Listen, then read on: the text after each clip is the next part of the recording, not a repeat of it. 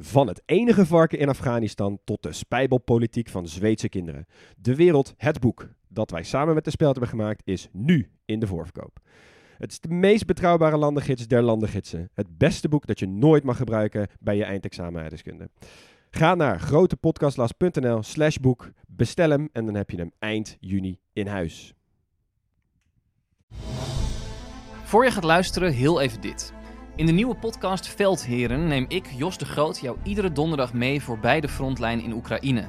Dat doe ik samen met generaals buiten dienst Peter van Um en Mart de Kruif. Zij hebben één duidelijk doel: aan jou uitleggen hoe oorlog werkt.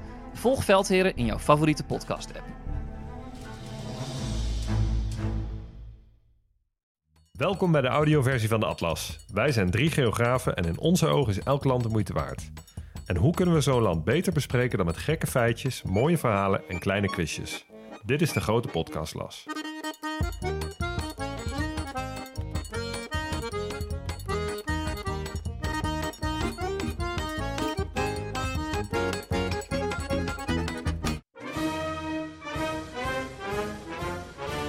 Wat zaten we de afgelopen decennia toch lekker hè? In onze unipolaire wereld.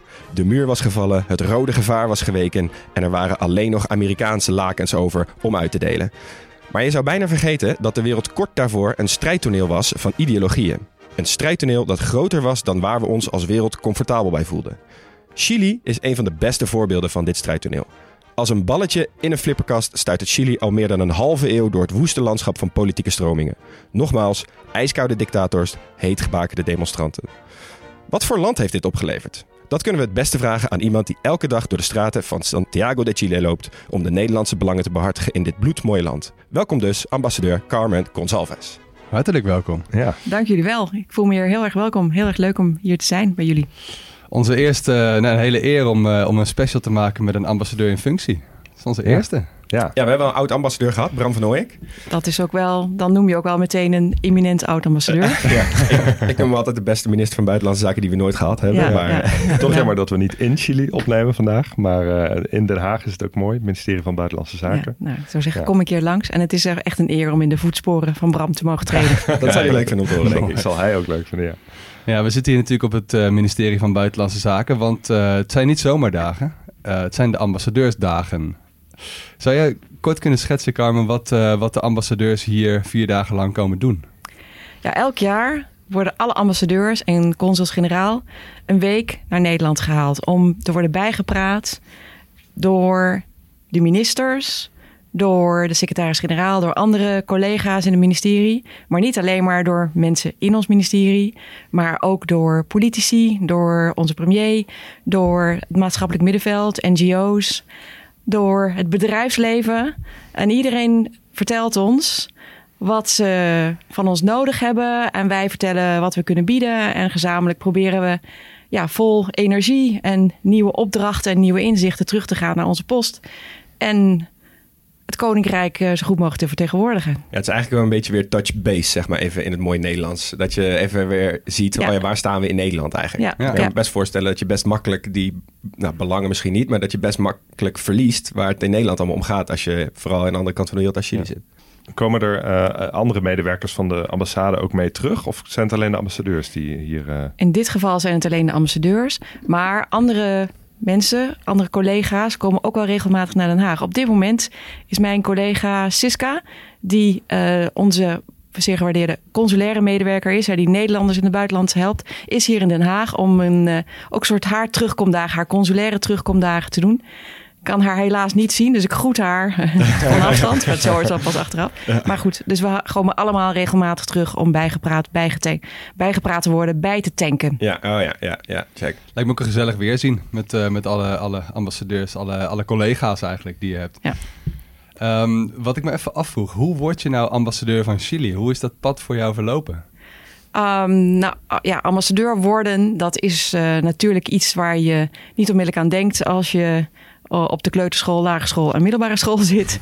En zelfs toen ik studeerde had ik ook eigenlijk weinig idee bij wat een ambassade deed. Ik had ook niet zo heel veel gereisd. Maar tijdens mijn studie ben ik wel uh, meer gaan reizen. Ik ben naar Argentinië gegaan tijdens mijn studie. En na mijn studie heb ik uh, een stage gelopen in Berlijn, net voor de val van de muur. Kan je je dus voorstellen hoe lang geleden. En daar kreeg ik wel de smaak te pakken. En het buitenland en het internationale speelveld lonkte. En toen liep ik in Den Haag stage bij het Europees Parlement. Op een gegeven moment of ik deed vrijwilligerswerk vlak voor Europese verkiezingen. En Eppo Jansen, die aan het hoofd stond van dat bureau, een journalist, want ik wel droomde er eigenlijk van om journalist te worden, die zei tegen mij: Carmen, zou je niet, eh, waarom word je, uh, waarom denk je niet aan de diplomatie? Ja. Nou, dacht ik van oké, ja, misschien wel. Dat is ook leuk. Kan je ook uh, reizen, heel veel mensen spreken, schrijven, verslag doen. Nou, toen kwam ik op dat pad. En dan kom je bij het ministerie en dan ga je door allerlei banen heen op allerlei gebieden. En dat is het leuke. Je, je, wisselt elke vier jaar van functie en soms ook heel ander werkterrein. En zo kom je op een gegeven moment in de positie waarin je nadat je ook je leiderschapskwaliteiten hebt eh, laten zien en bijgeschaafd, dat je ambassadeur kunt worden. Ja, ja. Ah, ja. Ja, ik zag dat je, want je, je vertelt nu in ieder geval, je was uh, met Berlijn bezig tijdens de val van de muur. Um, ik, heb, uh, ik heb nog gelezen in jouw uh, biografietje um, dat je zelf ook in Bulgarije zat ten tijde van de Europese Unie-toetreding. En in Londen tijdens de Brexit.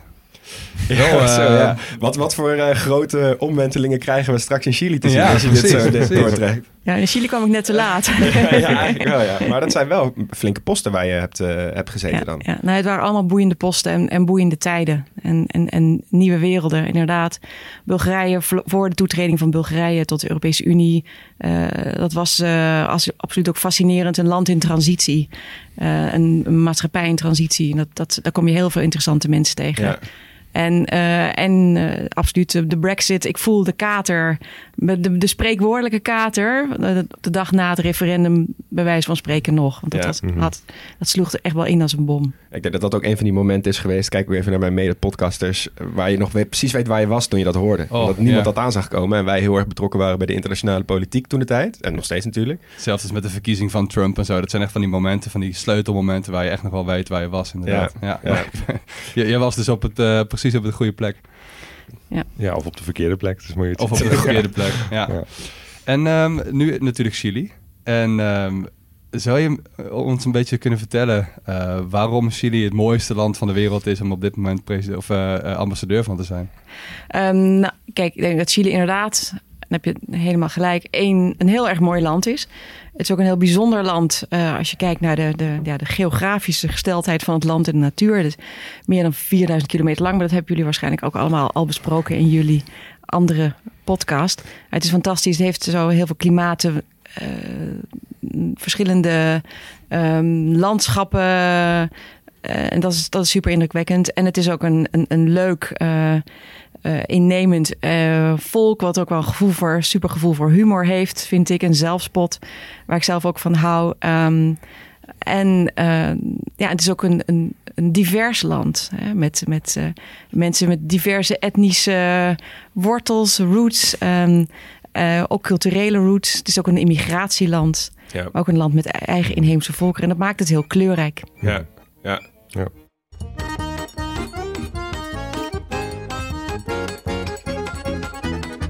Nou, we willen in ieder geval uh, heel graag uh, even een portret schetsen van het land Chili, hoe dat er tegenwoordig voor staat en voor welke uitdagingen het land staat. En daarvoor moeten we eigenlijk even terug de recente geschiedenis in. Want Chili na de Tweede Wereldoorlog is een land dat geleid is door heel links en heel rechts. En dan zeg je in de tweede helft van de 20e eeuw snel Koude Oorlog. Twee kampen stonden tegenover elkaar. Het Westen, zeker de VS met een invloedssfeer. De Eerste Wereld. Uh, en de Sovjet-Unie en zijn invloedssfeer, dat was dan de Tweede Wereld. En er waren een heleboel landen die wel redelijk wat te kiezen hebben. En anno 2023 weten we dat Chili redelijk goede vrienden is met, uh, met, met ons als Westen. Uh, maar dat is niet altijd even vanzelfsprekend geweest. Kun je voor ons schetsen hoe die twee kampen, dus dat hele linkse en het hele rechtse, in Chili vertegenwoordigd zijn geweest? Mm, ja, ik denk dat overigens dat uh, als je het over hebt, je wel voor ogen moet houden dat het lange tijd een redelijk stabiel land was. Um, wat ook, uh, waar toch ook redelijk vaak een, een, een, een democratisch, uh, democratische regering uh, regeerde. Het was wel tot relatief kort geleden ook nog steeds een arm land. Een heel arm land. En ook in die aanloop naar wat er gebeurde in de jaren zeventig... was het nog een heel erg arm land. Ik denk dat je dat ook uh, moet, moet, uh, voor ogen moet houden. Uh, en in de jaren zestig werd dat ook onder invloed van die, inderdaad die hele geopolitieke situatie... en de discussie wereldwijd ook steeds meer een, een, een politiek gepolariseerd land... waarin inderdaad aan de linkerkant steeds meer uh, groeperingen en partijen opkwamen die wat wilden doen aan de verdeling van het land en de rijkdom. Um, en dat leidde ertoe dat er uh, eind jaren uh, 60 een, een, kandidaat, een, een, politiek leider naar voren stapte, Salvador Allende van de Socialistische Partij, die na steeds grotere aanhang verwierf en kandidaat was voor de presidentsverkiezingen in de aanloop naar 1970. En um, hij uh, wist inderdaad een meerderheid van stemmen uh, te, te, uh, te krijgen. overigens, het parlement, wat tegelijkertijd gekozen werd, bleef heel erg verdeeld. Um, maar hij had als linkse president, als eerste linkse president van Chili, democratisch um, zijn stoel in de regering uh, gewonnen. Ja. En, dat, uh, was, en, dat, en daar schrok men in, in, in de Verenigde Staten natuurlijk behoorlijk van. Ja, in een achtertuin ineens een socialist ja, aan absoluut. het roer. Ja, ja absoluut. En, en een socialist die ook uh, de communistische partij meenam in zijn coalitie. Dat was ook zorgwekkend. Dus dat, was, dat had een enorme impact. Um, de regering Allende probeerde om bepaalde hervormingstrajecten in gang te zetten. Op het gebied van sociaal beleid, onderwijs, landhervorming, et cetera. Meer um, uh, er werd vrij veel genationaliseerd. En dat was mhm. natuurlijk ja. een. Ja, uh, ja. En dat, wat, dat, dat, dat was wel een, een pijnlijk punt voor met name ook Amerikaanse economische belangen. Um, en dat, nou goed, dat had dus op zich al een impact in de economie. En tegelijkertijd was men in, en dat blijkt ook uit de CIA-archieven die later zijn publiek gemaakt, is men vanuit de Verenigde Staten, met name de CIA, begonnen met een soort uh, economische ondergravingsoorlog. Mm-hmm. En heeft bepaalde groepen die uh, binnen Chili gesteund, die door middel van, uh, ja, je, je kunt het bijna wel economische sabotage noemen. Het financieren van stakingen, et cetera, et cetera. Ervoor hebben gezorgd dat die raderen van de economie steeds langzamer gingen draaien. De tekorten groter werden, dus de rijen in de supermarkten voor lege schappen langer en de frustratie van de mensen groter. Dus het, was een grote, het werd een grote chaos. En dat heeft er denk ik toe geleid dat er het, ja, de voedingsbodem is ontstaan, waardoor uh, A, in, het, in de strijdkrachten de steun verdween voor de regering. En de strijdkrachten in Chili waren tot, tot dan toe eigenlijk, eigenlijk voor altijd trouw aan de constitutie. Ja. Um, en er ook op de straat, onder de middenklasse, wel steeds meer mensen opstonden die zeiden: Dit gaat ons te ver. Ja, ja, dus de sabotage van de economie heeft eigenlijk geleid tot um, de ondergraving van het beleid van Allende en dus onvrede bij de bevolking en bij het leger. Het heeft zeker een grote impact gehad. Hmm. Ja. ja, want um, we hebben het eigenlijk in de aflevering van Chili nog niet eens over gehad. Maar um, Pinochet zelf niet volgens mij, maar heel veel van zijn legermensen die zijn ook opge opgeleid in de zogenaamde School of the Americas. Ik weet niet of jij daar bekend mee bent. Dat is een, een Amerikaanse, Amerikaans instituut. Um, het heet officieel Western Hemisphere Institute for Security Cooperation. Nou, dat is een mooie newspeak voor wat ze daar eigenlijk doen. En wat zij daar heel lang hebben geprobeerd is dus leiders opleiden uh, om uh, tegen hun democratisch verkozen of niet democratisch verkozen leiders in opstand te komen voor het westerse belang, zeg maar. en allerlei legerleidingen in Chili, die hebben inderdaad dus in de jaren zeventig, voordat Pinochet de macht nam, hebben allemaal geleerd, oké, hoe kan je nou die radartjes waar je het net over had, zo goed mogelijk, niet alleen economisch, maar ook politiek dwarsbomen, zodat het volk ja, boos wordt of in ieder geval inziet dat dit niet de juiste leider is voor het land. Um, ik, ik, ik, las zelfs dat tot uh, een aantal, volgens mij, volgens mij tot halfwege de jaren negentig konden ze zelfs bij de ingang van de school konden ze het, het, zwaard van Pinochet zien als een soort dankbaarheid dat hij had gegeven aan, uh, aan die school. Dus dat, dat ja. zegt ook maar weer eens wat over de directe invloed van Amerika en de CIA in de, uh, in de politiek in Chili en in Zuid-Amerika in het algemeen, denk ik. Ja, ja. Nou, dat heeft inderdaad ook wel succes, succes gehad, die school. Ja. ja, maar goed, je hoort ook wel eens van coups die heel erg top-down worden georganiseerd in dit geval. Maar um, als we het goed begrijpen, dan is dit juist iets wat heel erg van onderop werd gevoed. Uh, zodat de burgers uh, ook zaten te wachten op een bepaalde verandering ik weet niet of het alleen maar van onderop is, maar in ieder geval uit bepaalde delen van de, van de economie ook. Mm -hmm. uh, dus de, de vrachtwagenchauffeurs, die toch ontzettend belangrijk zijn om in een zo een 4000 kilometer lang land eh, voed, ja, levensmiddelen, et cetera, te vervoeren. Als je dat stillegt, dan heeft dat een enorme uh, ontwrichtende uh, werking. Ja, en heel direct zichtbaar ook. Ja. ja. Kreeg Allende aan de andere kant ook steun van bijvoorbeeld de Sovjet-Unie? De Sovjet-Unie stond sympathiek tegenover uh, het, uh, de regering Allende. Maar ik denk overigens dat de regering Allende ook wel elders, uh, ook in niet-socialistische landen, wel sympathie opriep. Want het was immers een democratische mm-hmm. gekozen regering, die wel ook, die ook voor ogen had om de democratie in Chili te borgen. Hè? Ja. Dat was, het, wat, het, uh, Allende, Comsuis hadden niet de aspiratie om een tweede Sovjet-Unie nee. uh, uh, te en reproduceren. Dat kon van veel andere Zuid-Amerikaanse landen in die tijd niet worden gezegd natuurlijk. Nee, het is een, een ja. in ieder geval een eigen, een, een eigen koers die mm. Allende voer. Dus hij, ja. ja. ja. En toen kwam er een coup in 1973. Um, en dat leidde er eigenlijk toe dat, dat er steeds meer een, een, een nieuwe of een, eigenlijk een dictator ontpopte, namelijk Augusto Pinochet. Um, hoe is het land veranderd onder zijn leiding? Nou, ik denk dat het veranderde onmiddellijk natuurlijk. Hè. En we weten allemaal dat uh, de, koep. Misschien hebben jullie de beelden van de, de bombardementen op het uh, presidentieel paleis La Moneda. Ja, we hebben de laatste, laatste woorden van de speech van Allende in het uh, paleis hebben, hebben laten horen. Ja, ja. Dat is een, het is een prachtige documentaire, overigens in drie delen. Die heet La Batalla de Chile, de slag om Chile. Gemaakt door de documentairemaker Patricio Guzman. Die ik iedereen kan aanraden als je het, sfeer, het sfeerbeeld ook uh, en, en de gebeurtenissen goed geregistreerd wil, wil bekijken. Um, het was inderdaad heel ingrijpend en onmiddellijk uh, begon de vervolging van politiek andersdenkenden. Iedereen die ook maar een beetje links was.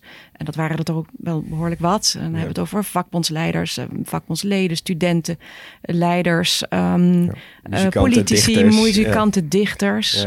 Werd, werd, werd opgepakt, uh, in het gevangen gezet, gemarteld.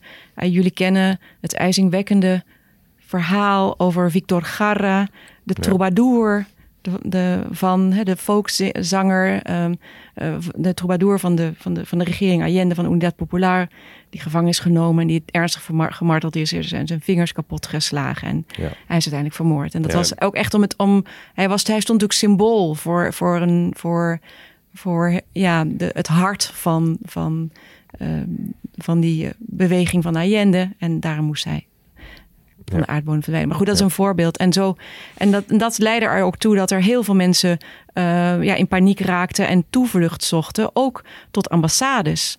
Um, en ook de Nederlandse ambassade heeft um, toevlucht en, en bescherming geboden aan honderden uh, Chileense politici of anderen, vakbondsleiders, mm -hmm. die, uh, en, of leden, hè, je hoeft niet een, een leider te zijn, je kan ook een klein radertje mm -hmm. zijn. Um, mensen sprongen over muren en werden dan ja, uh, geherbergd. En uiteindelijk, gelukkig, was het heel vaak mogelijk, eigenlijk altijd mogelijk, om ze via vrijgeleide het land uit te krijgen. Ja, ja. Zo, maar dat had dus een enorme impact. Geweest, ja. En het, ja, de, dus, ja, de, de, de, de, maatschappij veranderde onmiddellijk van een, toch een, een een, een weliswaar chaotische, maar vrije samenleving naar een gesloten, um, uh, ja, bijna totalitaire samenleving. Ja. Waarin uh, ja, elk, elk uh, verschil van meningsuiting, elke andere mening werd. Ja. mond werd gesnoerd. Ja, ja, ja, En als je nu kijkt naar die regering van Allende, die is natuurlijk democratisch aan de macht gekomen. Dus je zou kunnen zeggen dat zeker tijdens het begin van zijn, van zijn bewind was er gewoon veel steun voor Allende. Hè. Dat betekent democratie natuurlijk. Um, daarna is die omwenteling ge gekomen, um, die ook gevoed werd vanuit een soort van economisch ongemak hè, van, het, van het land. Um, toen Pinochet aan de macht was en op deze manier tekeer ging, heeft hij ook altijd de stem gehad van een groot deel van de bevolking? Of was hij gewoon een tiran die zijn, die zijn volk onderdrukte? Ik denk dat er aanvankelijk zeker grote groepen mensen zijn geweest die ook, ook verwelkomd hebben, omdat ze dachten: oké, okay, wellicht wordt het nu mm -hmm. beter, krijgen we weer um, uh, onze levensmiddelen in de schappen terug en, en uh, wordt het land weer geordender. Want uh, Pinochet, Comsui zijn onmiddellijk begonnen met economische hervormingen om ook te proberen om de economie van het land weer op te starten. En dat heeft tot, tot op zekere hoogte zeker effect gehad. Hè? Jullie weten allemaal dat de impact van de Chicago Boys, ja, die, die neoliberale ja. school uit um, Noord-Amerika, die een grote invloed had op de regering en uh, de economen in de regering van Pinochet, uh, erin zijn geslaagd om uh, de export van Chili enorm aan te jagen en het land ook open te stellen voor buitenlandse investeerders. Mm. En dat heeft natuurlijk een groeiende economie teweeggebracht. Maar die groei kwam toch best wel geleidelijk naar heel veel fouten. En de armoede bleek toch ook, wel- bleef ook wel best groot hoor. Want in 1988 waren nog veer, leefde nog 40% van de Chilenen onder de armoedegrens. Maar zeker, het heeft wel ook iets in gang gezet, wat eh, een economische ontwikkeling, die mensen ook, een aantal, hè, ook grote groepen, wel kansen hebben gegeven. Ja. dus het is Ja. ook niet, het is allemaal niet zwart-wit. Maar het was een onvrije samenleving waarin zeer la- wel on, hè, Ja. economische groei werd gegenereerd. Maar Dus- niet voor ja. iedereen. Ja, dat zie je natuurlijk vaker inderdaad. Dat economische groei ten koste gaat van een, eh, van een toename en verschillen tussen, tussen arm en rijk. En als je internationaal ehm, bekijkt, bedoel, het is, het is in de tijd van de Koude Oorlog natuurlijk. Ehm, eh, Chili werd ineens een soort, nou ja, eh, misschien mag ik zeggen, een marionet van de, van de VS. Of in ieder geval, Pinochet liep, liep veel meer aan de leiband van de VS dan, dan Allende daarvoor. Ehm, in West-Europa bijvoorbeeld eh, stonden wij veel meer aan de invloedssfeer van Amerika. Eh, hoe waren de banden toen? Dus hoe reageerde de rest van de wereld op, op het aan, aan, aan gesteld worden van Pinochet? Ja, dat is een hele belangrijke vraag die je stelt. Want hè, ondanks het feit dat ehm, eh, Pinochet, die in ieder geval die, eh, op, op het eerste gezicht stilzwijgende steun had van de VS, maar die was actiever onder de radar. ehm, eh, was het zo dat landen in het Westen, ook landen als Nederland, bondgenoten van de VS, Ja. hier toch niet met zo'n positieve blik naar keken. Mhm. Hey, Ik roep in herinnering dat onze minister van Buitenlandse Zaken, Max van der Stoel, destijds een van de ministers was die onmiddellijk in de VN ook in het geweer kwam tegen deze dictatuur en de mensenrechten schendingen. Dus eigenlijk vrijwel de gehele westerse wereld, en zijn toch, waren toch uiteindelijk ook de vrienden van de VS, Ja. liepen te hoop tegen wat er in, in eh, Chili gebeurde. En ook in de VS zelf, en dat mogen we niet vergeten, waren er heel veel mensen en heel veel mensen ook in, het, in, in de politiek die heel kritisch waren ten opzichte van wat er, wat er gebeurde. Hè? De, de- die, die steun van de, de CIA ten spijt. En later heeft dat, is dat ook erkend, eh, ook door, door, door eh, en en onderkend en door de, de, veren- de, de regering in de VS. Dus dat was, het was zeker eh, niet zo dat, eh, ehm, eh, dat, dat die koep warm onthaald werd. En er zijn natuurlijk ook economische maatregelen getroffen. Ehm boycott van Chileense appels, et cetera, et cetera. Dus het Mhm. was eh, wat dat betreft eh, Ja, het was een kritisch inderdaad... onthaal. Want wij, wij Ja. in de introductie zeiden we al, het, is een, het was een zwart-witte wereld. Maar eigenlijk was er inderdaad een heel groot stuk grijs. Eh, waar, want dat- bij, bij meerdere afleveringen zien we dat ook al. Dat Amerika eigenlijk een beetje kiest voor oh, de vijand van de vijand is mijn vriend nu. Ja, ja. Eh, Ja. het zekere voor het onzekere nemen. Ehm, ja. eh, en dat zorgt ervoor, en vooral Latijns-Amerika, voor heel veel uiteindelijk instabiele landen, democratieën. Ja, ja, en voor de westerse democratieën was het onaanvaardbaar dat een democratisch gekozen regering op deze wijze ehm, eh, onderuit werd gehaald. Dus dat, dat, dat, dat stond eigenlijk als paal boven water. Ja. Ik kan me daar wel een bepaald ongemak bij voorstellen, inderdaad, vanuit West-Europa. Ja.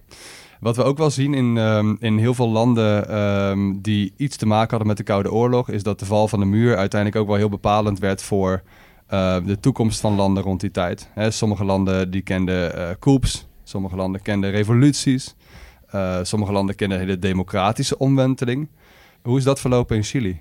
Je hebt gelijk dat, dat het einde van ehm, eh, de, het regime van Pinochet viel inderdaad samen, zo ongeveer lijkt het, op het eerste zicht, met het einde van de Koude Oorlog. Mhm. En toch is er minder direct verband dan je ehm, op het eerste gezicht zou zeggen. Ik denk dat de, de erosie van ook de, de, de, de, de Amerikaanse steun voor Pinochet was al veel eerder begonnen. Omdat men in Washington toch ook wel het wel heel ongemakkelijk vond om zo'n onappetijtelijke eh, regime te steunen. Mhm. En ehm, dat, dat heeft er ook toe geleid dat er ook wel druk werd uitgeoefend, denk ik, eh, achter de schermen.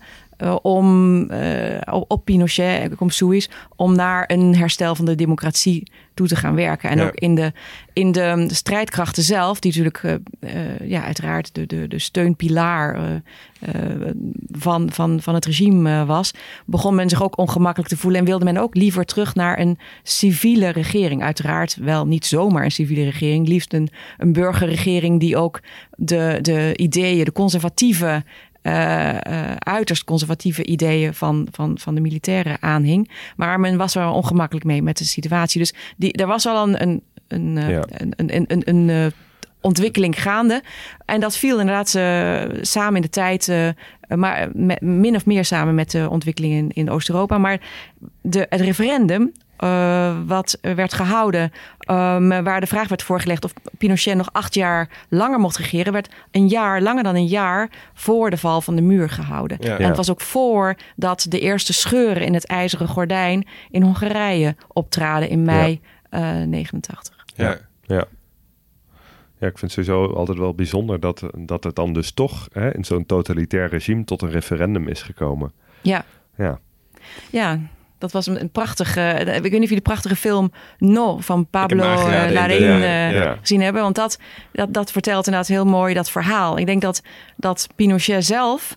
En toch uiteindelijk ook wel zijn uh, entourage ervan overtuigd waren dat ze zoveel voorspoed gebracht hadden aan het land dat ze, Ze dat, dat iedereen Bijna eh, arrogant, ja, arrogantie van de maar, macht. Maar uit- uiteindelijk heeft er was natuurlijk nog wel eens- nog steeds een substantieel deel van de kiezer wat ehm, ook de voortzetting van het regime gesteund heeft. Ja. Maar meer dan 55 procent, ik geloof meer, bijna 56 procent, Ja. heeft eh, dat toch met eh Ja. krachtig verworpen. Ja. Ja. En hoe is het daarna in de praktijk verlopen? Heeft Pinochet toen gezegd van, joh, eh, nou ja, ik heb nou eenmaal verloren, eh, mijn tijd is geweest? Dat is nog heel erg spannend geweest, die eerste nacht nadat eh, de uitslag van het referendum bekend was. Ehm, Pinochet lijkt eh, in het geheel niet eh, van zin te zijn geweest om het plus te verlaten. En er is grote druk uitgeoefend. Ik denk ook vanuit het bedrijfsleven, maar ook eh, door ehm, ja, de, de militairen om hem heen. En de militairen hebben op een gegeven moment, hè, de andere, de generaals en de, de commandanten van de strijdkracht, hebben op een gegeven moment tegen Pinochet gezegd: nee, je moet dit accepteren. dus daar was toch wel. eh, Ja. eh, die hadden toch het licht gezien. En, Ja. dat, en toen, had, toen kon hij geen kant meer op. Maar hij had natuurlijk nog wel ehm, voor elkaar gekregen ehm, dat er. mm, eh, dat hij de, kom- de, de, de constitutionele situatie was nog wel zo dat hij een aantal stroommannen in de Senaat kon houden gedurende een bepaalde tijd. Dus een zekere invloed hield hij nog wel even tijdens een soort overgangsperiode. Ja. Ja.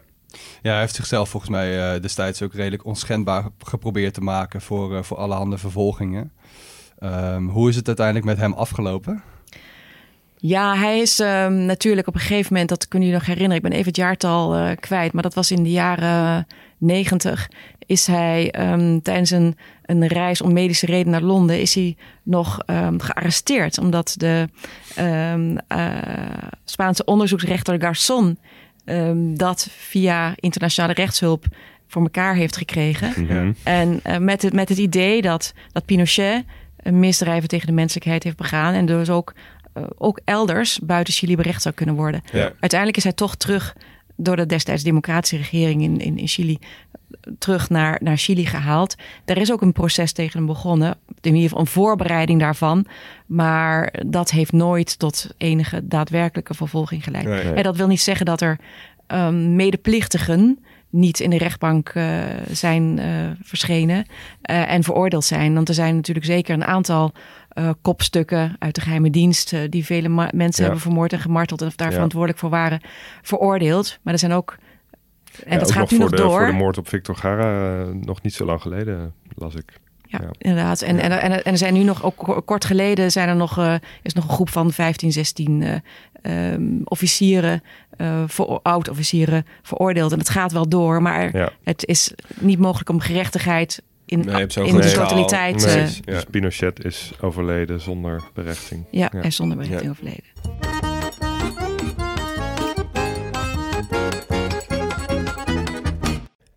Stop de podcast, want onze sponsor van vandaag is niets of niemand minder dan de Philips Sonicare.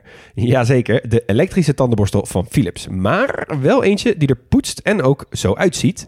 Want eh, de borstels van deze Philips Sonicare zijn ovaal en langwerpig en die bewegen heen en weer net als bij een normale tandenborstel. Oh, dat is chill, want Max, jij poetst nog altijd analoog, toch? Ja, ik had- ik had daar, Voordat eh, je deze kreeg. Ja, ik had daar één pk voor nodig inderdaad. ja. Ja, Dat deed ik altijd zelf. Ja, dus wij kregen er eentje. En eh, ik dacht, nou, ook om jullie te vermaken, maar ook om mezelf. ehm, ik ben even de geografische geschiedenis van de tandenborstel ingedoken. Dus, Dit was een mooi onderzoek zeker. heerlijk. Waar denken jullie dat de eerste tandenborstel, of in ieder geval tandenpoetssituatie, ontdekt is? Ja, we kunnen niet, het kan niet anders dan dat we dit al heel lang doen. Echt sinds de oudste beschavingen. Ja, nou, Ja. je zit ongeveer juist. Want ehm, wat ik vond is dat Babylonische kauwstokjes de vroegste vorm Oh. van mondsverzorgingsdingen zijn. Oh, dat is ook nog wel ouder dan ik had verwacht. Ja, dus 3500 voor Christus. Ehm, eh, eeuwen later ontwikkelden de Chinezen tijdens de Tang-dynastie de eerste tandenborstel met echt borstelharen. Eh, en die innovatie die heeft Europa bereikt via de zijderoute, dus de klassieke variant, en werd uiteindelijk in Frankrijk gespot rond het jaar 1560.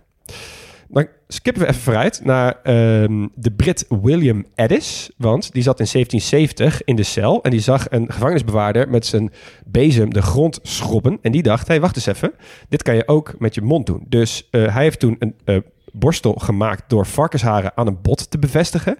En toen hij vrijkwam, is dit de eerste tandenborstel die massaal werd geproduceerd en algemeen beschikbaar was voor meer mensen.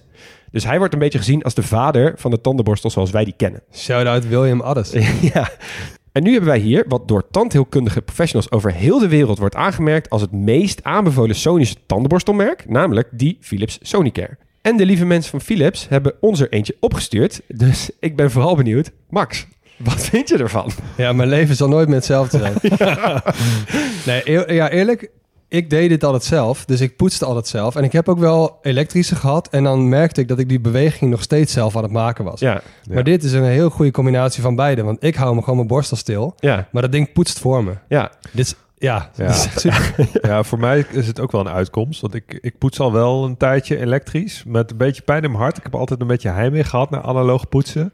En ik was ook echt weer toe aan een nieuwe borstel. Dus ik vond het echt super chill dat we er gewoon in opge, opgestuurd krijgen. Ik voel me ook eens echt een zieke influencer. Ben je ook?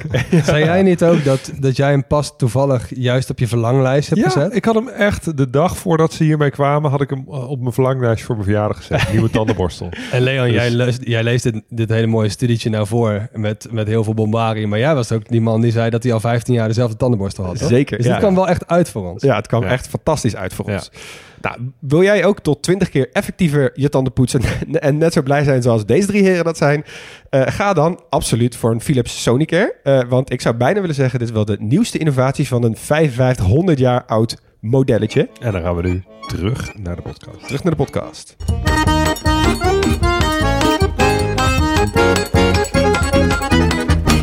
Nou, dan eh, maken we even de stap naar de tegenwoordige tijd. Want ehm, eh, ja, het, land Chili, eh, die, degene die toen aan de macht kwam, die erfde natuurlijk behoorlijke eh, ja, geschiedenis.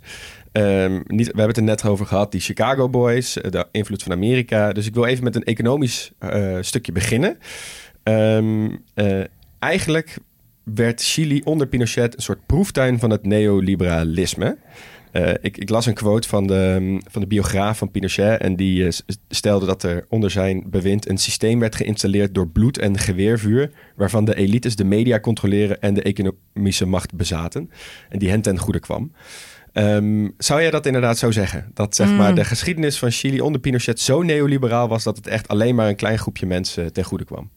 Het was zeker een, een proeftuin voor, voor ehm, een aantal vertegenwoordigers van die, van die eh, school van Milton Friedman. En dat heeft er eh, toe geleid dat er ja, een ultraliberaal ehm, model is ingevoerd met hele met, met, met de, de, de importtarieven zijn eh, onmiddellijk geslecht. Eh, ehm, ik neem aan dat er ook belastingen werden verlaagd. Ik heb niet een, hè, ik heb niet een, tot- niet een catalogus van de Nee. maatregelen die genomen zijn, maar ik weet dat er heel ingrijpende maatregelen zijn genomen om die economie ge- geheel vrij te maken. Ja. En dat heeft eh, inderdaad, mm, uiteraard in eerste instantie vooral een, een kleine groep eh, is dat ten goede gekomen. Uiteindelijk ook natuurlijk wel een grotere groep die werk kreeg in nieuwe bedrijven. Nieuwe bedrijvigheid, bedrijvigheid biedt ook wel werkgelegenheid. Maar het bleef inderdaad een relatief kleine groep. Eh, aan het eind van de eh, dictatuur nog 40% van de mensen onder de armoedegrens. Ehm, dat heeft, dat heeft de democratie, de democra het democratisch bewind georven. Ja. Ehm, daar mm, is men zeker geen radicale veranderingen in aan gaan brengen. Want men zag ook wel dat er ehm, dat die bedrijvigheid en die open economie, gericht op eh, export van de landbouwproducten, van de mijnbouwproducten, ook heel veel eh, welvaart kon opleveren. Maar Ja. men wilde dat wel corrigeren. Hè, dus de scherpe kanten zijn er wel afgehaald. Ehm, en er is een groter sociaal vangnet gekomen. Dat heeft ook wel geholpen om die armoede al te bestrijden. Dat ging wel wat langzaam, maar daar komen we later op terug. Ja. Uh, maar het bleef een hele open eco economie. Uh, vanaf het moment dat uh, de regering Alwin ging regeren... en vooral ook onder zijn opvolger Vrij... is Chili in een sneltreinvaart begonnen met het sluiten van handelsovereenkomsten. En op dit moment is Chili het land met de meeste vrijhandelsovereenkomsten... met andere landen ter wereld. Oh, oh joh. Nou, dat, zegt wel veel. Ja. Ja, ja. Ja, want in 2010 werden zij ook lid van de, van de OESO. Ja. Eh, hebben wij besproken vorige week. Ehm, eh, en ze zijn natuurlijk eh, al die, zoals je al zei, hè, de- je ziet die economische eh, erfenis nog steeds wel terug. Eh, hoe merk je dat eh, tegenwoordig? Hoe merk je dat deze dagen? Zijn ze daar, is dat nog steeds een heel groot onderdeel van bijvoorbeeld verkiezingsprogramma's? Er is nog steeds een. eh, ik denk dat er, dat er een, een grote groep eh, ehm, in het politieke spectrum is. En met name op rechts en centrumrechts, maar ook wel op centrum links. eh, die. Dus echt, eigenlijk wel de meerderheid van de Chilenen wil het model als zodanig niet veranderen. Dat model is ondertussen al behoorlijk gecorrigeerd. Ja. Dus het, is, ehm, het heeft nog steeds wel de steun. Maar het gaat er nu vooral om van in hoeverre corrigeer je eh, de markteconomie. Het gaat nu gewoon eigenlijk om een. Het is nu, je kunt niet meer zeggen dat het helemaal neoliberaal is, denk ik. Maar het gaat om, om in hoeverre corrigeer je die markteconomie nog meer. En maak je er wat, nog een socialere markteconomie van. Er zijn nog een paar overblijfselen wel uit, dat, uit die tijd van Pinochet. En bijvoorbeeld water is geen. Ehm, is, is, is geen publiek goed eigenlijk in Chili. Ehm, er zijn waterrechten. Dat is hè, water. Je kunt waterrechten kopen. Dat is iets wat is je niet in. eh, ja, het is heel erg gepri- gepri- geprivatiseerd. De gezondheidszorg is ook in hele grote mate geprivatiseerd. Er bestaat ook wel een publieke gezondheidszorg, maar die is wel klein en underfunded. En eh, ook het onderwijs is ook voor een groot deel geprivatiseerd. Oh, ja. En het publiek onderwijs is ook, ehm, nou, komt er qua begroting ook bekaaid vanaf. En daar wil men echt verandering in brengen vanaf links. En er is ook een hele grote groep ook eh, rond het centrum, wat daar ook ehm, eh, graag eh, hervormingen zou zien. Ja, ja. want hoe, hoe, ik kan me voorstellen dat dat... We hebben in onze politieke hoofdstukje vorige week al gezien... dat het ehm, eh, heel vaak tussen links en rechts eh, wel wil botsen in Chili. Er zijn natuurlijk hele duidelijke tegenstellingen. Het is een land met relatief veel ongelijkheid, zoals je net ook al zelf zei. Ehm, eh, ik wil even met jou praten over de recente... eh, protesten, de opwelling, de democratische proberen te hervormen. Eh, zou jij een korte schets kunnen geven hoe dat is gestart en hoe dat is verlopen? Ja, dat begon eigenlijk al in 2011 ehm, met grote studentenopstanden. Eh, studenten die te hoop liepen tegen de hoge collegegelden en het onderwijs wat zij eh, toch onvoldoende vonden. Ook eh, het feit dat er zo'n kansenongelijkheid was. Dat mensen die op de juiste, leerlingen die op de juiste middelbare scholen hadden gezeten, en vaak de privéscholen, naar de goede universiteiten konden doorstromen en Ja. anderen niet. Ehm, dus dat heeft al wel, dat waren de zaadjes voor wat er in 2019 gebeurde. Want die beweging bleef vrij actief. En in 2019, als gevolg van, eh, van het, eh, of de aanleiding van, van, de, in, in, van, van de protesten in 2019, was dat de openbaar vervoerskaartjes voor in, in, in Santiago met 30 cent eh, verhoogd werden. Ja. En dat was op de een of andere manier de druppel die de emmer deed overlopen. En waardoor uiteindelijk niet alleen de studenten en, en, en de middelbare scholieren, maar ook een veel grotere groep mensen de straat op gingen om te protesteren tegen ja, die, die, die, die aspecten van, van de Chileense maatschappij en economie die eh, ongelijkheid in stand eh, hielden. En ze zeiden, hè, het gaat niet om die 30 ehm pesos, het gaat eigenlijk om 30 jaar, Ja. waarin er in die eh, 30 jaar transitie, waarin er te- Mhm. toch te weinig hervormd is en te weinig kansengelijkheid is ontstaan. Ja. Je ziet wel, wel vaker trouwens dat die verhoging van buskaartjes, dat dat een, eh, een, enorm protest inleidt. Volgens mij in Brazilië in 2013, 2014 was Ja. dat ook de druppel. Ja. Of in ieder Ja. geval van die, naar het wereldkampioenschap. van die aanleidingen die relatief heel klein zijn, maar die, Ja. veel, die heel erg symbool staan voor iets Ja, maar die veel raken, groter. die raken Ja. veel mensen direct in de portemonnee. Dus het Ja. gevolg is heel zichtbaar, denk ik, voor mensen. Ja, dus grote podcastlast tip 1. Verlaag of verhoog nooit de tarieven van je Ja, buskaartjes. gewoon gaat zo ver. Gaat zo ver. Ja, en ik, eh, nog een beetje context. Hè. Toen ik in Chili kwam, viel me onmiddellijk op hoe hoog de prijzen van de producten in de supermarkten zijn. Mhm. Het kan je echt wel Ja, vergelijken ja. met Nederland. En als ik dan kijk naar de gemiddelde inkomens. eh, hè, het het, het eh, minimumloon in Chili ligt rond de.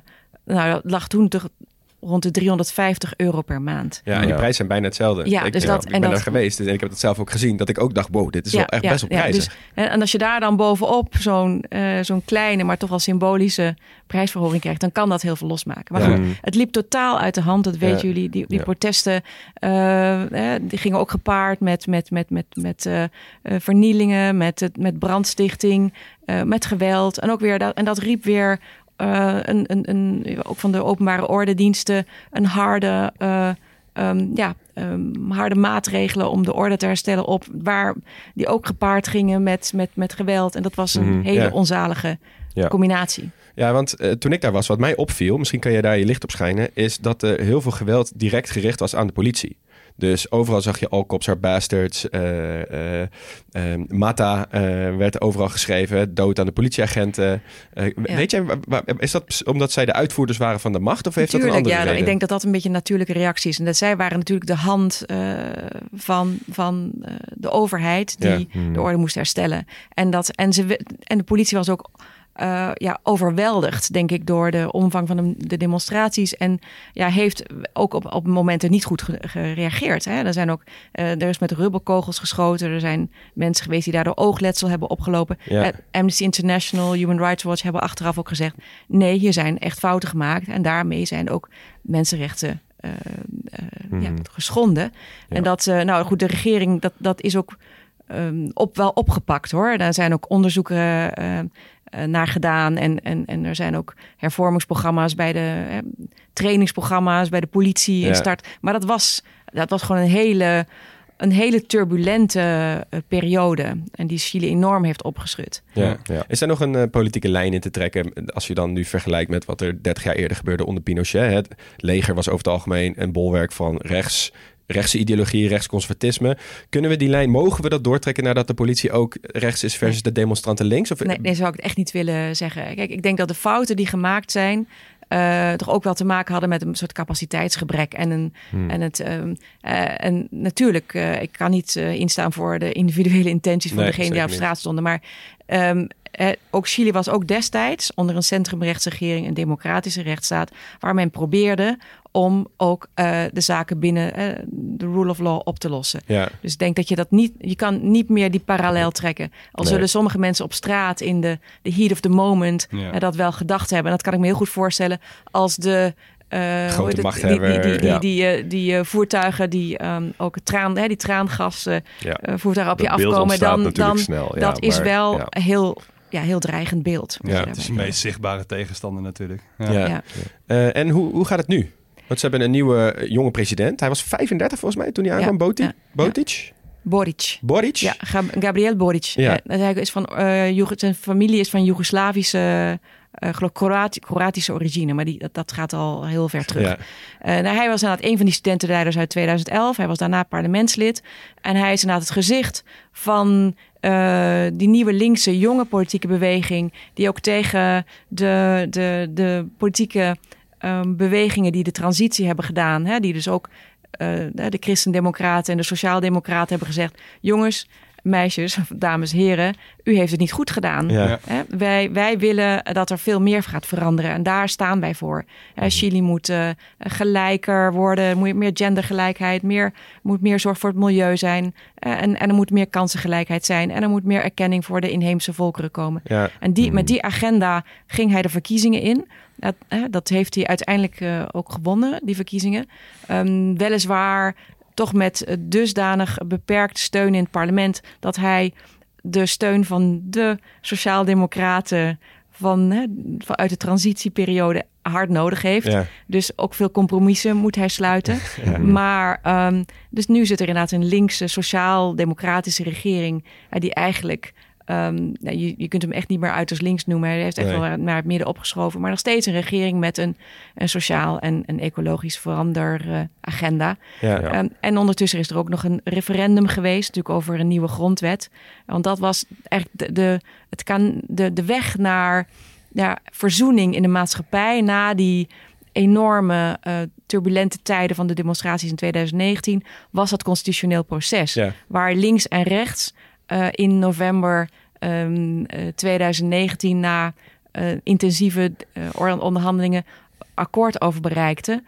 En, eh, en ook Boric heeft daar een rol in gespeeld. Want een heel groot deel van links wilde toen niet. Ja. Wilde daar niet aan meedoen. En hij heeft uiteindelijk gezegd, ja, we moeten daar wel aan meedoen. Ja, want er was nog een grondwet uit de tijd van Ja. Pinochet. En zij wilden eigenlijk dat die dingen veranderden. Dat was Ja. een beetje een inzet ook van die Precies. protesten. En die grondwet was weliswaar al 15, 16 keer gewijzigd. En was het niet meer de grondwet van de militairen. Maar er stond nog steeds, er stond, er- het was nog steeds een symbool voor de tijd van Pinochet. En er waren nog steeds mankementen. Zoals bijvoorbeeld eh, de gebrekkige erkenning van de... de- het, het ontbreken van erkenning van de Mapuche. Bijvoorbeeld. Maar goed, anyhow, dat heeft ertoe geleid dat dat proces er was. En dat heeft ook op zich een hele interessante grondwetgevend proces opgeleverd. Met heel veel onafhankelijke erin. En heel veel eh, vertegenwoordiging van inheemse volkeren.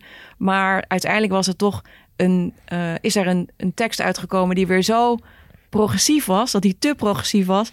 En dat er toch op overwegend behoudende Chilenen uiteindelijk hebben gezegd: nee, dit gaat me net iets te ver. Ja. Ja. Nou, en nu, en nu zijn we weer terug, wat dat betreft terug bij af. Ja. Maar de regering van Boric heeft toch wel met de andere democratische krachten kunnen, met de andere partijen in het parlement kunnen eh, overeenkomen dat er weer een nieuw proces is. Oké. En nou, we zitten nu in de rebound. Ja, Oké. en ik wil even over één ding wil ik even inzoomen met bij Boric. En dat, eh, we hebben het vorige week ook over gehad. Namelijk, Chili is een land wat heel vatbaar is voor de gevolgen van klimaatverandering. Hè? De woestijn in het noorden, gletsjers in het zuiden, stijging zeespiegel. Ehm, eh, tegelijkertijd zijn ze, doen ze heel veel met natuurlijke grondstoffen rondom koper. Ze hebben heel veel mijnbouw.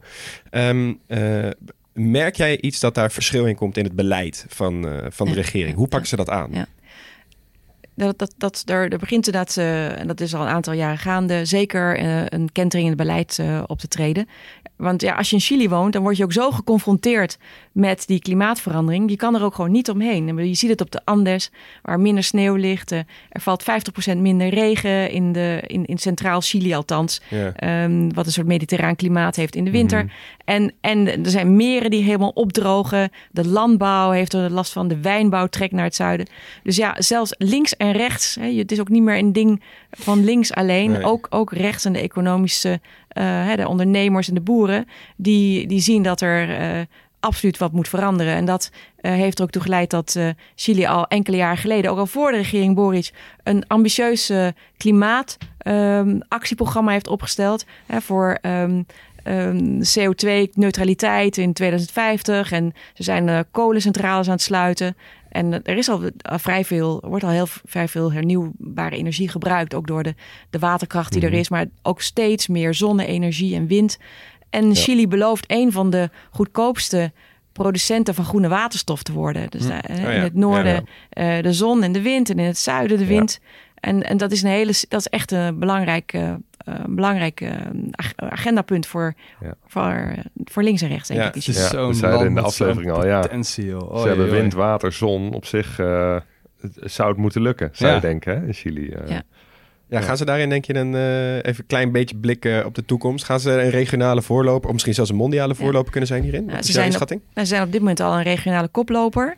Eh, absoluut. En er zijn al een aantal pilots. En er wordt al wat synthetische eh, brandstof eh, geëxport, eh, geëxporteerd. Dat, dat, zijn kleine hoeveelheden, maar het is gemaakt in het zuiden. Hmm. Met, eh, ja, met, met eh, windkracht. Eh, afgelopen maandag was hier de Chileense minister van eh, Energie, Diego Pardo. En die heeft samen met Rob Jette een heel mooi strategisch werkplan voor samenwerking op het gebied van groene waterstof ondertekend. En daarna ging Diego Pardo net zo jong bijna als Rob Jette en net zo ambitieus. Ja, ja. eh, en idea en, en, en op, op klimaatgebied naar Rotterdam gaan, waar hij ehm, eh, een, ehm, eh, ook weer een mooi MOU met de haven van Rotterdam heeft ondertekend. Dat is ook al lang goede samenwerking, want die Chileense groene waterstof, hè, die zal, hopen wij, via de poort Rotterdam, Europa binnenkomen.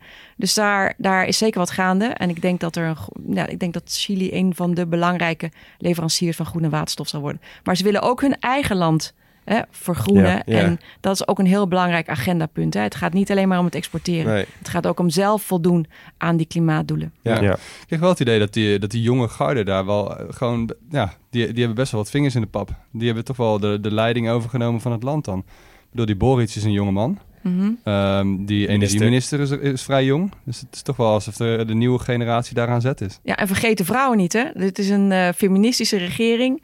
Eh, de helft man, de helft vrouw.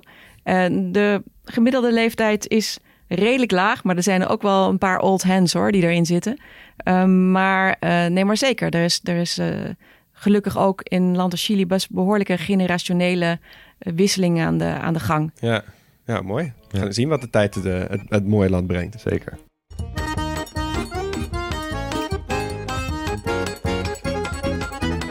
Oké, laatste hoofdstuk. Carmen, we willen het graag nog even met jou hebben over eh, de positie die Chili nu inneemt op het wereldtoneel en de relaties met Nederland en, en jouw rol als ambassadeur daarin. Ehm, de wereldpolitiek die lijkt de laatste jaren nou, misschien wel meer eh, op de Koude Oorlog dan, dan ooit tevoren. Ehm, hoe? Ja, we, Chili is natuurlijk een, een bondgenoot van het Westen, een redelijk goede bondgenoot. Ehm, welke positie neemt Chili in op het wereldtoneel als we bijvoorbeeld kijken naar de oorlog in Oekraïne? Is dat iets waar zij zich over uitspreken? Of speelt het helemaal niet? Daar spreken ze zich heel stellig over uit. En dat is wel opmerkelijk, hè, dat de linkse president Boric zich uh, wel het meest stellig of uitspreekt tegen de Russische inval en de Russische agressie in Oekraïne uh, binnen dat Latijns-Amerikaanse continent. Als je kijkt, dat, Ja. dat, is, uh, dat heeft hij van meet af aan gedaan. Hij was zelfs nog stelliger dan de uitgaande regering. Het gebeurde precies op het moment van de regeringswissel in 2021. 22. Dus daar um, heeft, ja, dat, dat, wat dat betreft hebben we een goede bondgenoot in, Ja. uh, in Chili. Want ze zijn uh, heel, uh, ja, ze hebben ons altijd gesteund. Of, of de, de groep landen die de, de, um, uh, de resoluties in de VN heeft ingediend om de Russische inval en de agressie te veroordelen. Ze zijn co-sponsors geweest zelfs. En daarmee, uh, ja, dat betekent dat het met hen echt op één lijn zit. Het is een land wat Mhm. de internationale rechtsorde uh, hoog in het vaandel heeft staan. Internationaal recht, mensenrechten. Dus wat dat betreft uh, zijn ze heel erg like-minded, heel erg gelijkgezind. Ja, doen ze ook mee aan internationale sancties tegen Rusland bijvoorbeeld? Sancties niet, maar er kan weinig. Ze hebben ook nauwelijks uh, handel met uh, Ja. Rusland. Er ging wat zalm de naar, hand naar natuurlijk. Rusland, maar die is ook geloof ik al. Dat is ook al eigenlijk gestopt. Ja. Geen, geen koper? Ik kan me voorstellen dat als Chili zegt je krijgt geen koper, dat eh, Rusland misschien wel een probleem heeft. Nee, kennelijk vrijwel niet. Nee, nee, nee, nee, nee, nee. nee. Nee, oké. Maar ze zijn in ieder geval heel stellig in hun eh, publieke optreden. Ja, Ja. Ja. En ehm, hoe innig is de relatie tussen Chili en China bijvoorbeeld?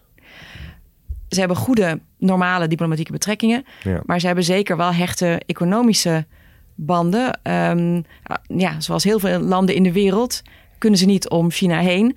Een heel groot deel van de export van de uh, Chileense landbouwproducten, maar ook de mijnbouw, gaat naar China. Uh, de koper, uh, koper wat gewonnen wordt um, in Chili, wordt ook in, in hele grote mate in, um, in China um, bewerkt. Mm, en want die capaciteit heeft Chili eigenlijk zelf niet. Ja. Dus dat geeft wel aan dat er uh, zeker behoorlijke intensieve banden zijn.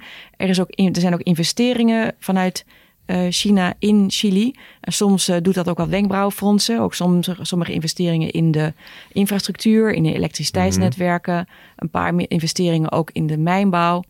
Um, overigens zijn, is Europa en ook Nederland nog steeds een hele grote investeerder hoor. Dus dat Ja, is uh, oké. geen zwart-wit beeld. Dus sluit Chili daar leningen voor af bij, bij China? Of zijn dat uh, wat, wat voor constructies? Uh, moet ik dan aan denken? Voor, nou ja, goed, nee, de export is gewoon export. Ja, eh, nee, voor- precies. Maar voor de investeringen in infra- infrastructuur bijvoorbeeld? Nee, dat zijn, dat zijn gewoon Ja. dan, dan dingen, dingen Chinese partijen in, in, consor in internationale consortia Oh ja. mee naar bepaalde Ah ja. openbare, Ja. in bepaalde openbare Ja. aanbestedingen. Ja, weet je wat wij hier hadden met eh, Huawei, als ik het goed uitspreek, met het Met het 5G-net. 5G-netwerk Ja, uitrollen. dat Ja, zie je, dat zie je hun, dat Ja. is hun economische diplomatie Ja. Wel handig ja, spelen. ja, Maar ja. ook elders in Latijns-Amerika zie je dat er wel een vrij grote Chinese aanwezigheid in de economie is. hè. Ja. Ja, ja. En eh, dan even naar de, naar de relatie tussen Nederland en Chili. Hebben we een goede band? Ik denk dat we een hele goede band hebben eh, met, eh, met Chili. Eh, Ik denk dat de Chilenen ook niet vergeten zijn dat wij in de tijd van de militaire dictatuur ook veel mensen hier hebben opgevangen en, en, en onderdak hebben geboden. En ook dat, heeft, dat heeft sympathie gecreëerd. We zijn ook een belangrijke ehm, investeerder in Chili. en we zijn ook een, een, een afzetmarkt en we werken samen op uh, internationaal, in Mhm. internationale organisaties, omdat we diezelfde denkbeelden hebben over democratie en mensenrechten. Er, zit nu een, er is nu in Chili een, uh, een minister van Buitenlandse Zaken die Nederlands spreekt. Oh, ja. Die geboren is in Nederland. Albert Wow. van Klaveren, Alberto van Klaveren. Oh joh. hij is, eh, ja, hij, hij, hij, is, eh, hij is geboren in Nederland. Hij is, ehm, eh, zijn ouders waren Joods, eh, ja, onderduikers die gelukkig, gelukkig eh, de Tweede Wereldoorlog overleefd hebben en met hun gezin in het begin van de jaren 50 naar Chili zijn gemigreerd. Zo. Ook wel een beetje uit, uit zorg over de Koude Oorlog. Ja. Mhm. Die eh, toen natuurlijk ook veel Ja. onzekerheid creëerde. En dus hij is opgegroeid in Chili. Hij heeft, is nog gepromoveerd aan de Universiteit eh, Leiden. En spreekt inderdaad vloeiend Nederlands. Zo, wat leuk. En, eh, is, ik eh, merkte dat ook heel erg toen ik in Chili was. Elke keer als ik vertelde dat ik, eh, dat ik Nederlands was, werd echt... Nou, niet elke keer. Het, is, het zal een beetje overdreven zijn. Maar er werd best wel vaak inderdaad aangehaald, wat je ook zegt, over... Oh ja, jullie waren echt onze bondgenoten toen wij het hier zwaar hadden onder Pinochet. Oh ja, Ja. we, hè, mijn ouders zijn nog in Nederland geweest. Oh ja, ik ken vrienden van mijn ouders die zijn gevlucht via Nederland. Oh ja, Ja. best wel veel van dat soort verhalen Ja. kwamen langs. En Ja, ook in dat museum van het Mensenrechtenmuseum in Santiago, prachtig museum. Daar stonden ook best wel vaak ook van, oh ja, eh, familie is gevlucht via Nederland of vi- via Nederland naar Europa. Dat zag ik Mhm. serieus best wel vaak terug. Ja, Opvallend ja. vaak in ieder Ja. geval. Ja, maar dat Ja. onze reputatie dus heel erg goed heeft gedaan dat we destijds tegen Chili waren. Of in ieder geval... Ja, tegen eh, Pinochet. Tegen Pinochet. Ja, zeker. Ja, precies. ja. Ja, Zeker, dat lijkt me ook wel fijn, ja, fijn ja. voor je werk. Dat, Ja. dat je niet, Nee, niet dat zeker. vaak de gebeten hond bent. In ieder Ja, geval ja, of op het matje ja. wordt geroepen. Maar na daarnaast zijn er ook gewoon hè, eh, redenen die niet met politiek en geschiedenis te maken hebben. Maar gewoon, Chili is een landbouwland. Eh, nou, dus wat er gebeurt op de, in Wageningen bijvoorbeeld aan research en development, dat vinden ze daar prachtig. En daar zijn ze zelf ook mee bezig. Dus dat is veel interactie. Dus, en en, en Chili, Chilenen zijn ook ondernemers. Onder, is een ondernemend land. En dat zien ze ook in Nederland. Dus wat dat betreft Mhm. is er ook wel een klik. Ja, ja. oké. Ehm, ja, je werkt al, al langer natuurlijk namens Nederland in het buitenland. Hebben we, hebben we al even aangestipt. In Bulgarije, in het Verenigd Koninkrijk. Ehm, in 2021 dus neergestreken in, in Chili. Eh, hoe bevalt het daar? Voel je er thuis? Is het een fijne plek om te wonen bijvoorbeeld? Het is een hele fijne plek om te wonen. Het is een... eh, Want je woont in Santiago, neem ik aan. hè? Ja, ja, ja, ja. Het is, ja, Santiago heeft een, een, eh, eh, op zich een heel ple- plezierig klimaat. Veel zon, te weinig regen. Dat heb ik al gezegd. In de winter Mhm. zit ik af en toe wel te wachten. Van, wanneer valt er weer een druppeltje regen? Ja. Maar het is een fantastisch klimaat. En, en het zijn hele plezierige mensen. Ehm, ja, met gevoel voor humor. Dat maakt het leven ook altijd een stuk Zeker. plezieriger. Eh, ja, en toch ook een best een goed cultureel eh, leven. En mensen zijn sportief. En je kan, mooie, je kan natuurlijk mooie uitstapjes maken inderdaad naar de kust. En naar dat schilderachtige Bohemien, Valparaiso, die havenstad ehm, bijvoorbeeld. Eh, je kan lekker een visje eten aan de kust. eh, of een, van die heerlijke mosselen. Die je kunt daar mosselen eten. Die zijn geloof ik drie, vier keer zo groot als in Nederland. Eh, heerlijk. En dus wat dat betreft dan kan je inderdaad van heel veel mooie dingen... die de natuur daar biedt, genieten. En het is... eh, ehm, een, ja, het is... Nee, het is, het is absoluut. En voor mij is het ook nog wel bijzonder dat het een heel klein beetje thuiskomen is. Of eigenlijk voor mijn man is het een heel klein beetje thuiskomen. Want die, heeft, ehm, die is in 1978 in Nederland neergestreken. Maar met zijn familie in 1975 ja, noodgedwongen. Omdat zijn vader gevangen eh, had gezeten en het land uit werd gezet. ehm, eh, hebben ze Chili verlaten als gezin. En zijn ze naar heel veel omzwervingen over de wereld in Nederland terechtgekomen. Ja. En daardoor heb ik eh, ja, mijn man ontmoet en zijn we samen. Ja. Eh, en is het voor hem eigenlijk een soort terugkomen naar het terug land van in vroeger, naar het Ja. land van zijn kinderjaren. Ja. Ja. Ja. In een Dus land dat er kan- heel anders voor staat dan in de moeilijke jaren waarin hij het land ontvluchtte. Ja, ja, Ja, ja. heeft hij je nog wel wegwijs kunnen maken? Of was het land zo veranderd? Dat er het is best wel veel veranderd natuurlijk. En, maar, maar nog steeds eh, eh, ja, brengt het, eh, nee, het brengt heel veel herinneringen terug. En er, misschien nog wel meer. Hij heeft, hij vorig jaar een, een, een persoonlijk eh, gebeurtenis. Hij heeft een, een, zware operatie ondergaan. In Chili is allemaal goed gegaan. Ehm, maar, daar, maar, na- maar vooral, hè, nu, nu is hij best wel goed hersteld. Maar dat heeft denk ik een best wel een grote impact gehad. Ehm, je gaat natuurlijk nog meer stilstaan bij, bij de dingen om je heen en Ja. in het leven. En het, en het bracht nog meer herinneringen terug. En, hij, en die zoektocht naar die herinneringen Mhm. is denk ik nu nog, eh, Ja. nog eh, eh, actiever. En dat, dat vind ik ook heel mooi. Ja, dus is het geeft mooi. voor hem echt een, ook een, een cirkelus Ja. rond. Heeft hij nog familie wonen ook in Chili? hij heeft ook wat familie, geen ouders meer, helaas. Maar nee, het, was heel, het is heel bijzonder dat wij daar. Echt, het is zeker geen vanzelfsprekendheid dat ik daar als ambassadeur ben gaan werken. Had net zo goed in een ander land kunnen zijn. De sterren stonden net in een constellatie waarin dat kon gebeuren. En dan is dat soms een heel mooi cadeau.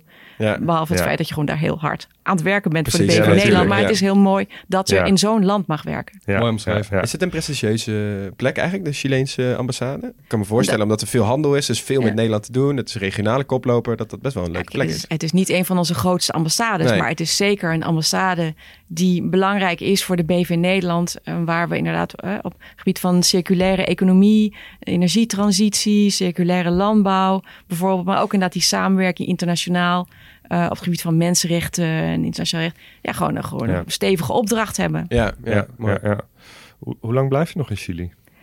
Mm, nog eh, ja, een kleine 2,5 jaar. Hè. De, in totaal eh, ben je, is een, duurt een plaatsing vier jaar. Mhm. En daarna verkast je weer. Dat is heel goed. En dan, dan hou je...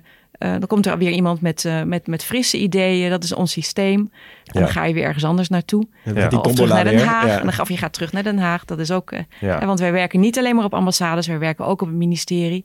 En, dat is, en zo houden we ook ons contact met, met, met Nederland en met, met de Nederlandse maatschappij. Ja, precies. En ehm, eh, zou jij zoiets hebben van over 2,5 jaar wil ik door in een andere functie elders op de wereld? Of denk je van nou, ik, ik, ik zou wel in Chili willen blijven en iets anders gaan doen? Als je Ah. daar iets over wil mag zeggen natuurlijk. nou ja, in Chili blijven. Dat, ik hou wel heel erg van mijn, van mijn werk. En dat zou ik niet dan kunnen voortzetten als ik in Chili zou blijven. Dus vooralsnog wil ik nog wel graag eh, Mhm. eh, ergens anders naartoe. Naar een andere post of naar Den Haag. Dus nee. nee maar En je man wil dat ook? En, eh, ja, zeker, zeker. Kijk, mijn man is ook, hij heeft ook natuurlijk heel erg lang buiten Chili gewoond. En hij zegt altijd, ik ben een cocktail eh, tussen allerlei Ja, ja. Ja. landen. En, en hij houdt ook van eh, dit leven wat we samen hebben. Dat nomadische leven. Waarin we gelukkig ook altijd dat anker in Nederland hebben.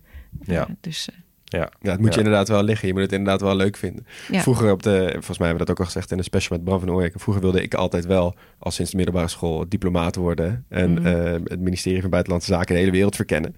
Maar ik kan me, ehm, eh, zeg maar, het reizen is voor ons denk ik, kijk, ik denk een hele tafel aan hier, maar is voor ons allemaal echt iets wat prachtig is. Maar het lijkt me heel mooi als je inderdaad je baan kan eh, maken van iets dat het niet alleen reizen is, maar ook de mensen die je daar bent, eh, die daar zijn en de Nederlandse roots. Eh, en natuurlijk de eh, bedrijven goed kan helpen om daar te, te aarden en de juiste mooie dingen van die samenwerking op te zoeken. Dat lijkt mij nog steeds echt een van de allermooiste Ja. dingen van Ja. een ambassadeurschap. Ja. Ja. Maar je kan heel veel doen. En je kan ook, hè, soms kom je ook eh, in contact met, met, met, met situaties waarin ehm, Nederlanders in grote problemen verkeren of iets hebben meegemaakt ehm, of geconfronteerd zijn met iets wat ingrijpend is en waarbij ze ook eh, jouw hulp kunnen gebruiken. Ja. En ik wil even verwijzen naar. naar ehm, we hadden het net over mensen die verdwenen in de tijd van de dictatuur. Hè, die vreselijke mensenrechtsschendingen die toen plaatsvonden. In die tijd, en we weten nog steeds niet precies wat er gebeurd is, is er ook een jonge Nederlander verdwenen in Chili. Ehm, Maarten Melle Visser, hij was 20 jaar oud. In 1985, december 1985, eh, was hij aan het wandelen. Hij maakte een wandeltocht in zijn eentje op dat moment in het zuiden van Chili. mm, In de buurt van de vulkaan Osorno bij Villarrica. En hij is gaan wandelen en hij is voor het laatst gezien in een berghut. En hij is nooit meer teruggekeerd. Oh, nee. En dat is. En zijn ouders eh, zoeken hem nog steeds. ja. Ja. En elk jaar komen ze naar Chili. Tijdens de coronatijd kon dat niet. Maar ze zijn in december weer geweest. En ik heb met hem gesproken en met hen ook overlegd over, ehm, hè, ook over wat zij nu hadden gehoord van, van, van de mensen met wie ze altijd contact hebben. En ze vertelden mij dat er ehm, nog steeds een onderzoek gaande is. Er is een officier van justitie in Zuid-Chili, is ook bezig met dat onderzoek. Maar dat is na zoveel jaar na dato. En het is natuurlijk heel erg Ja. Moeilijk en verdrietig dat daar eh, nog geen oplossing is. Ik, heb ook- ik ben ook weer naar de staatssecretaris voor Mensenrechten gegaan. Ik heb met haar gesproken. En zij heeft, is voor, mij weer gaan kijken hoe het ermee stond. Dus ik kan natuurlijk niet in de rechtspraak treden, maar ze kon mij ook weer verzekeren dat de zaak nog steeds eh, ehm, actief eh, is en dat Ja. eraan wordt gewerkt. Ja. En zo probeer ik ehm, ehm, ja, ook.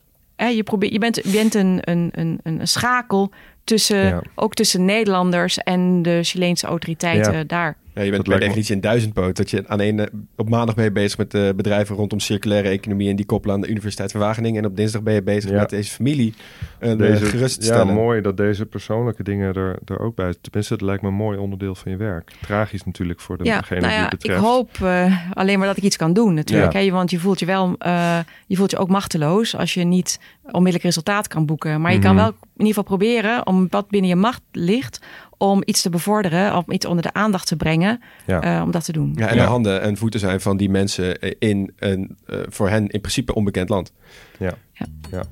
Goed, dankjewel. Hier gaan we mee afsluiten. Carmen, heel erg bedankt voor je komst. Heel interessant om met jou eh, verder te spreken over, over dit mooie land. En de luisteraar natuurlijk ook heel erg bedankt om, eh, voor het luisteren naar dit hoofdstuk van de grote podcastlas. Vanuit het ministerie van Buitenlandse Zaken in Den Haag hoorde je Leon Boelens, Max Gerritsen, Hugo Noordman en natuurlijk Carmen Gonzalves. En Jonas van Impe, die doet voor ons de eindmontage. Volg ons vooral even op Twitter of Instagram op Grote Podcastlas en kijk op de website grotepodcastlas.nl. En volgende week reizen we weer door en dan bezoeken we Sao Tomé en Principe. Carmen, heb je nog een mooie lokale Chileense afscheidsgroet voor de luisteraar? Em, les deseo un, un día eh, muy bonito, excelente. Ik wens jullie een fantastische, heerlijke dag. Eh, Kom moet je zon, met, mooi, met meer, veel zon. Ik zie dat er een zonnetje door eh, de wolken en- komt. En dat terwijl de ambassadeursdagen over het algemeen mensen aantrekken die in veel zonnigere oorden wonen dan wij, Ja, is dit zeker. wel een mooi klimaatje om terug te komen. Zeker. Dankjewel. Gracias.